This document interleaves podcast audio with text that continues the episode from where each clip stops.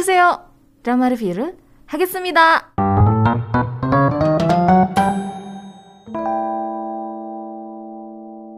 Ya, akhirnya drama The Fabulous tayang juga setelah sempat tertunda karena menghormati tragedi Itaewon yang terjadi di tanggal 29 Oktober 2022. Ya, awalnya The Fabulous ini dijadwalkan tayang di Netflix itu tanggal 4 November 2022. Cuman setelah terjadinya tragedi Itaewon, tim produksi dan juga Netflix udah berunding nih gitu. Terus akhirnya mereka memutuskan untuk menunda penayangan dan ternyata nggak cuman jadwal tayangnya aja yang ditunda, tapi juga konferensi pers dari drama ini juga turut ditunda. Nah mungkin beberapa tanya kenapa ditunda? Yang pertama reasonnya karena pada saat tragedi Itaewon, pemerintah Korea Selatan itu menentukan masa berkabung selama satu minggu. Dan di satu minggu itu memang beberapa drama itu nggak tayang. Mungkin karena reason itu yang pertama karena ada masa berkabung yang pada saat itu sampai tanggal 5 November. Sementara drama ini kan dijadwalin tanggal 4 November. Jadi udah pasti dipending. Reason yang kedua adalah di drama The Fabulous ini terdapat adegan festival Halloween di Itaewon. Mungkin ini agak sedikit sensitif gitu ya, makanya tim produksi juga lumayan galau gitu kalau aku baca beritanya. Kenapa? Karena adegan ini tuh adegan di mana ada festival Halloween di Itaewon itu nggak mungkin dihapus dari drama. Kenapa? Karena adegan ini punya peranan penting dalam alur cerita dramanya. Jadi kalau dihapus pasti ada plot hole gitu. Makanya akhirnya diputuskan udah kita tunda dulu aja dramanya dan pada saat itu beritanya tuh uh, ditunda sampai batas waktu yang tidak bisa ditentukan. Nah ini tuh sempat bikin agak deg-degan juga karena bakalan tayang gak ya drama The Fabulous akhirnya gitu sempat ada berita juga kemungkinan besar dramanya bakalan batal tayang gitu gara-gara ada adegan festival Halloween itu tapi ya akhirnya tayang juga Dramanya tayang di tanggal 23 Desember 2022 dan uh, langsung dirilis 8 episodenya. Jadi karena ini series original Netflix seperti biasa langsung dirilis semuanya sekaligus di hari yang sama. Ya, terus Um, drama ini didirect oleh Kim Jung Hyun. Kim Jung Hyun sebelumnya itu mendirect drama Legal High. Cuman ini aku nggak nonton Legal High ini tahun 2019 ya. Diperanin sama Jin Gu, terus ada So Eun Soo sama Yoon Park juga, cuman ini aku nggak nonton. Dan by the way ini tuh udah ada beberapa versi, karena ini adaptasi dari series Jepang juga ternyata, dari tahun 2012 dong yang pertama terus ada yang SP ada yang dua ada SP2 juga. Akhirnya 2019 dibikin versi yang Korea. Cuman ya sekali lagi ini aku nggak nonton. Terus uh, karya dari Kim Chung Hyun yang pernah aku tonton drama-drama yang beliau direct adalah A Korean Odyssey. Ini mungkin udah cukup sering aku sebut ya karena dramanya memang seru banget. Mirip-mirip mungkin diadaptasi dari cerita Sun Gokong gitu karena di sini tuh nyeritain tentang ya Sun Gokong tapi versi bedanya gitu. Ya ditonton aja. Ini ada di Netflix deh seingat aku. Diperanin sama Iseng Gi, Cha Seung Won, terus ada Oh Yeon So, ada Lee Hong Ki juga. Dramanya seru cuman mungkin agak sedikit serem karena ada hantu-hantunya gitu. Tapi enggak yang um, serem banget yang sampai horor banget itu enggak sih. Ya tapi kalau misalnya kamu memang bener-bener nggak bisa nonton horor ya jangan ditonton A Korean Odyssey. Pasti kamu bakalan takut gitu ya Cuman kalau misalnya kamu udah kebiasa nonton film horor, um, A Korean Odyssey mungkin kalau di rate ya, uh, horornya seberapa horor sih? 1 sampai 5 tiga lah atau dua gitu. Nggak nggak terlalu serem gitu. Karena aku pun nontonin horor gitu. Dan buat aku Korean Odyssey ada beberapa scene yang ngagetin tapi nggak sampai yang serem banget gitu nggak. Terus Kim Jong Hyun juga mendirect Mrs. Cop yang kedua. Terus ada Good Family Book, salah satu drama dari Lee Seung Gi juga yang pecah banget. Diperanin sama siapa lagi ayo, kokonya Kim Tan yang aku ingat tuh. Terus ada, eh ada kokonya Kim Tan gak? Enggak, salah, bukan yang ini dramanya. salah guys, kokonya Kim Tan bukan di sini. Tapi uh, ini tuh ada Suzy, ada Yoo Yeon Sok juga, terus ada Sung Jun, ada IUB juga kokonya Kim Tan main drama apa ya? Uh, eh bener, Go Family Book. Iya bener yang ada kokonya Kim Tan. Mana kok nggak ada ya? iya deh ada kokonya Kim Tan. Iya ada Choi Jin Hyuk yang nggak ada itu di drama My Girlfriend is a Gumiho. Karena mirip-mirip gitu sama-sama Gumiho kan. ya fix Gu Family Book ada Choi Jin Hyuk ya Oke, okay, terus Kim Jong Hyun juga mendirect drama Gentleman's Dignity tahun 2012. Ini juga satu drama dari SBS yang bagus banget. Uh, romantis banget dan apa ya pada zaman itu kayaknya banyak teman-teman aku yang juga nontonin drama ini dan seneng banget gitu uh, ratingnya juga lumayan tinggi ini tuh drama romance yang nyeritain tentang empat orang empat orang cowok yang bersahabat. Tapi punya problemnya masing-masing soal percintaan gitu. Yang paling aku ingat adalah ketika proses lamarannya. Lamarannya itu lucu banget. Gitu itu yang aku ingat dari Gentleman's Dignity terus Secret Garden yang diperanin sama uh, Ha Ji Won sama Hyun Bin juga itu didirect oleh Kim Jung Hyun by the way Terus satu lagi itu adalah dramanya um, Jung So Min yang judulnya itu um, sebentar ya. Kalau di bahasa bahasa Korea tuh eh bahasa Korea bahasa Jepang tuh Itazurana Kiss. Lupa nih bahasa ininya apa ya bahasa bahasa Koreanya. ini tuh satu drama yang remake juga kan dari beberapa drama dan udah dibikin beberapa versi gitu. Aku nonton versi Jepangnya juga deh kalau nggak salah. Lupa ini lama banget. Ini tuh tahun 2010 guys. Masih uh, ada Kim Hyun Jung yang mainnya terus ada Lee Tae Song yang jadi second lead yang patah hatinya gitu ya.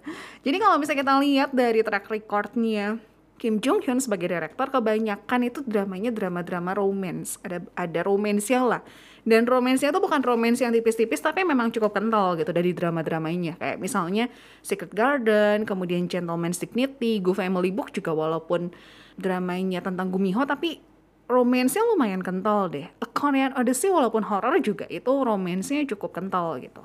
Oke, okay, untuk penulis drama ini adalah Kim Ji Hee dan Im Jin Sun untuk Kim Ji Hee sebelumnya itu menulis film SF8 The Prayer. Ini aku nggak nonton jadi aku nggak bisa bahas lebih jauh. Sama satu lagi tuh ada Where Are To Go? Ini juga sama aku nggak nonton jadi aku nggak bisa bahas lebih jauh. Ya jadi ya the one and only karyanya beliau yang pernah aku tonton ya cuma The Fabulous ini gitu. Bisa ditonton di Netflix dramanya langsung aja kita bahas drama ini tentang apa sih? Dramanya tergolong ringan sebenarnya. Jadi kalau misalnya kamu biasa nonton drama Korea yang banyak pemeran-pemeran jahatnya yang bikin kamu tuh kesel banget ya. Even di drama Alchemy of Souls aja yang sekarang lagi hits banget itu aku kesel sama beberapa karakter. Ih gitu. Kalau di drama ini nggak ada. Ya ada sih yang sebel-sebel karena agak nyebelin tapi nggak nggak sampai yang bikin kamu naik darah emosional banget nggak um, dramanya ringan terus kalau nonton ya udah ditonton aja dinikmatin. Pemandangannya juga bagus terus kalau misalnya kamu memang suka dengan dunia fashion kamu bakalan suka banget sama drama ini. Terus kalau misalnya kamu nonton series Netflix juga judulnya Emily in Paris nah vibesnya tuh mirip-mirip. Mirip banget kalau aku ngerasa karena kan aku nonton juga kan Emily in Paris jadi gue ngerasa drama The Fabulous ini agak sedikit mirip, mungkin juga karena sama-sama ngebahas tentang dunia fashion ya. Walaupun Emily in Paris lebih ke tentang marketing sebuah produk gitu. Cuman kalau di sini ya memang ada sisi marketingnya, tapi lebih ke fashionnya. Terus kalau di Emily in Paris kan si Emily itu pakai bajunya bener-bener yang fashion sekali gitu dan teman-temannya. Nah di The Fabulous juga ya tentu karena kan ngomongin soal dunia fashion kan. Nah, drama ini, drama The Fabulous ini secara garis besar itu berpusat pada empat orang sahabat sejak SMA. Jadi mereka tuh udah temenan cukup lama, yaitu ada Pyo Ji Eun yang diperanin sama Cha Soo Bin, terus ada Ji Woo Min yang diperanin sama Min Ho Shiny, ada Joseph yang diperanin sama Lee Sang Un, dan Ye Son Ho yang diperanin sama Park Hee Jung. Nanti aku bakal bahas lebih lanjut mereka pernah main di drama apa, tapi nanti ya kita bahas dramanya dulu. Ya, nah persahabatan mereka itu sangat kuat dan pas nonton tuh ya jujur malah jadi bikin kangen sama teman-teman gitu. ya kayak persahabatan pada umumnya aja. Mereka um, aku lihat kayak ngelakuin hal-hal yang ya sama teman-teman biasa gitu. Um, mungkin hal-hal yang konyol, hal-hal yang apa ya istilahnya kayak nakal bareng gitu ngelakuin hal-hal yang uh, apa kabur dari kejaran orang gara-gara abis matahin aku inget banget tuh yang adegan Halloween habis matahin bondu temennya gitu atau orang asing yang mereka lagi foto bareng terus mereka dikejar terus lari-lari bareng gitu. Ya seperti itulah kurang lebih persahabatan mereka. Dan yang bikin seneng itu mereka tuh beneran kuat banget persahabatannya gitu. Bahkan ketika Pyo sama Ji Woo-min pacaran nih udah gitu putus mereka berempat tuh tetap temenan seperti dulu. Memang sempat canggung pasti ya, nggak mungkin kan kalau nggak canggung, awkward gitu kan. Nah terus cuma yang lucunya tuh Joseph sama Son Ho tuh ngumpulin mereka berempat gitu ya, terus kayak langsung ngomong secara belak-belakan, uh, mereka nggak mau kehilangan temen. Ya jadi Joseph sama Ye Son Ho ini bilang gitu belak belakan kita nggak mau ya sampai sampai hubungan pertemanan kita rusak. Saya nggak mau kehilangan Pyo Jian saya juga nggak mau kehilangan Ji Woo Min jadi kita berempat harus tetap temenan. Jadinya mereka tetap temenan berempat tetap kompak gitu. Walaupun ya tetap lah keliat ya ada kisah cinta yang belum selesai gitu itu keliat banget nah sesudah dewasa mereka sama-sama merintis karir di bidang fashion. Cuma dengan pekerjaan yang berbeda, tapi masih sama gitu di dunia fashion. Pyo Ji-eun kerja di sebuah agensi promosi brand ternama di Korea Selatan namanya Audrey. Job desk dia tuh milihin model brand yang bagus untuk nantinya dipromoin sama model gitu. Terus dia pikirin juga konsepnya seperti apa. Mungkin bisa dibilang kayak mirip-mirip kerjaannya Emily in Paris gitu si Emily-nya. Dan kalau ngelihat kerjaan dia secara ya lihat aja gitu dari filmnya kayak enak gitu dia tuh pekerjaannya. Bolak-balik butik mahal lihat pakaian-pakaian yang cantik-cantik terus apa ya pegang barang dari brand yang terkenal gitu. Mungkin orang lain belum belum bisa dapetin barang itu tapi dia udah bisa lihat langsung gitu ya. Um, pokoknya kayak menyenangkan gitu kerja sama model-model terkenal seolah kayak pekerjaan itu pekerjaan yang sangat amat menyenangkan. Tapi ternyata tidak seindah kelihatannya. Dan ya setiap pekerjaan juga pasti punya plus minusnya masing-masing ya gitu. Jadi sama seperti pekerjaan Pyo dia pun punya strugglingnya tersendiri gitu. Nah uniknya drama ini tuh mengungkap di balik layar pekerjaan di bidang fashion.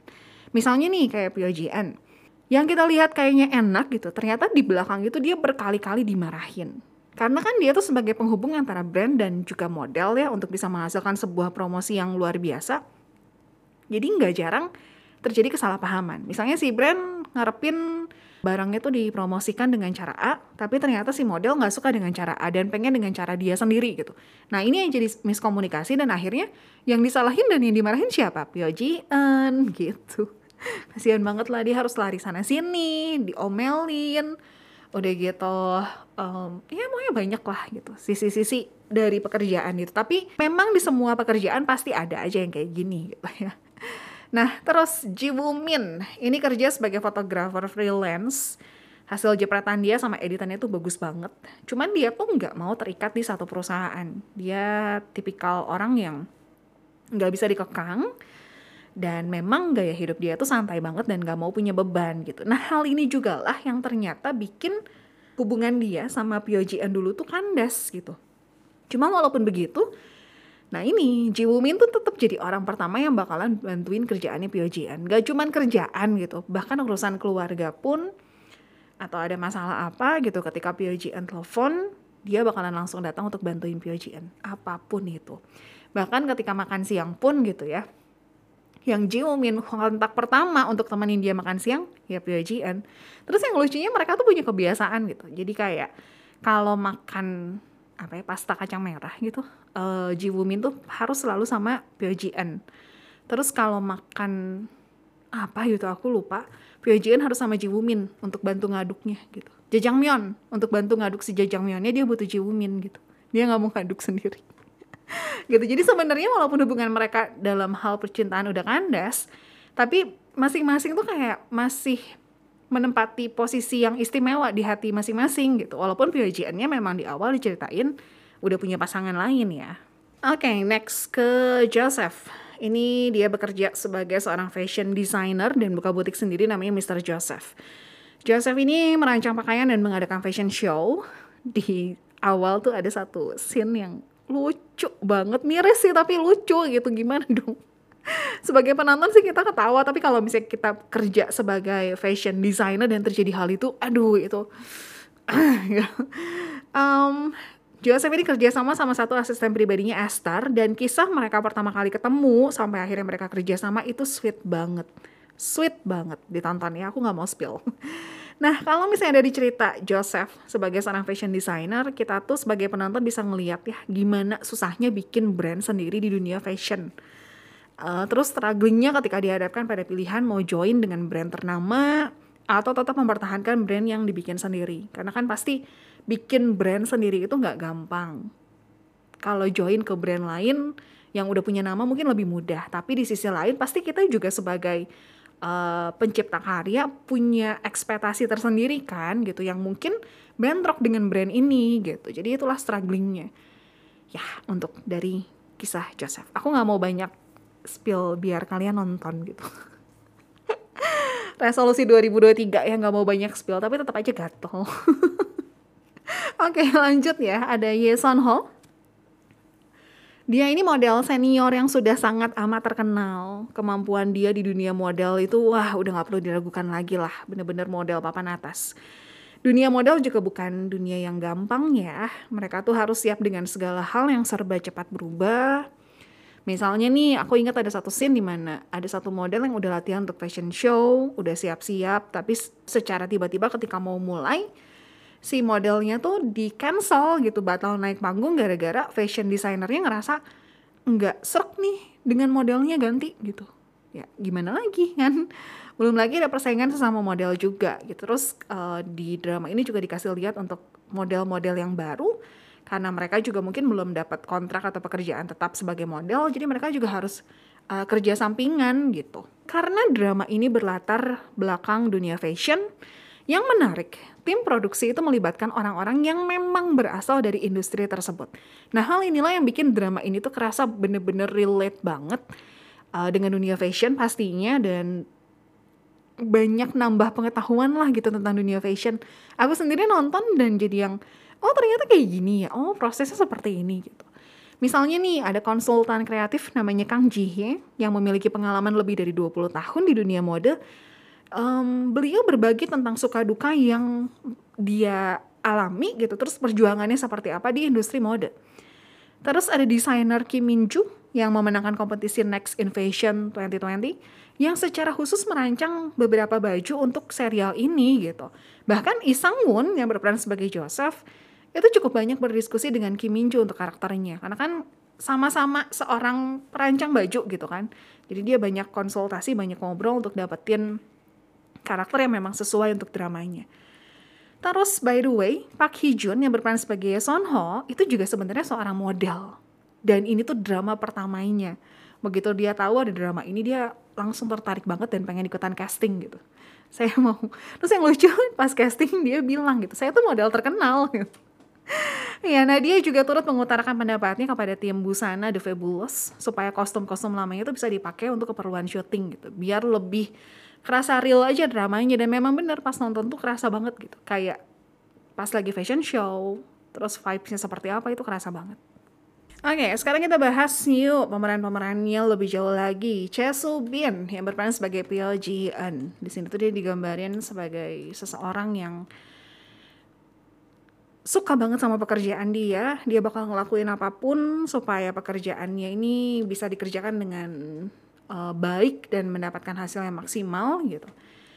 Chesobin sebelumnya udah cukup banyak main di drama-drama yang pernah aku tonton itu dia ada di Cheer Up. Cheer Up-nya tapi yang versi 2015 ya. Um, ini yang bareng sama Tari ya, aku lupa. yang aku ingat satu ada yang terakhir jadi psikopat Iwon Gun. Terus ada Jung Eun Ji, ada Jisoo juga ada Cahakyon juga. Ini dramanya bagus banget by the way. 12 episode aja dari KBS tuh. Kalau sekarang nonton di mana ya?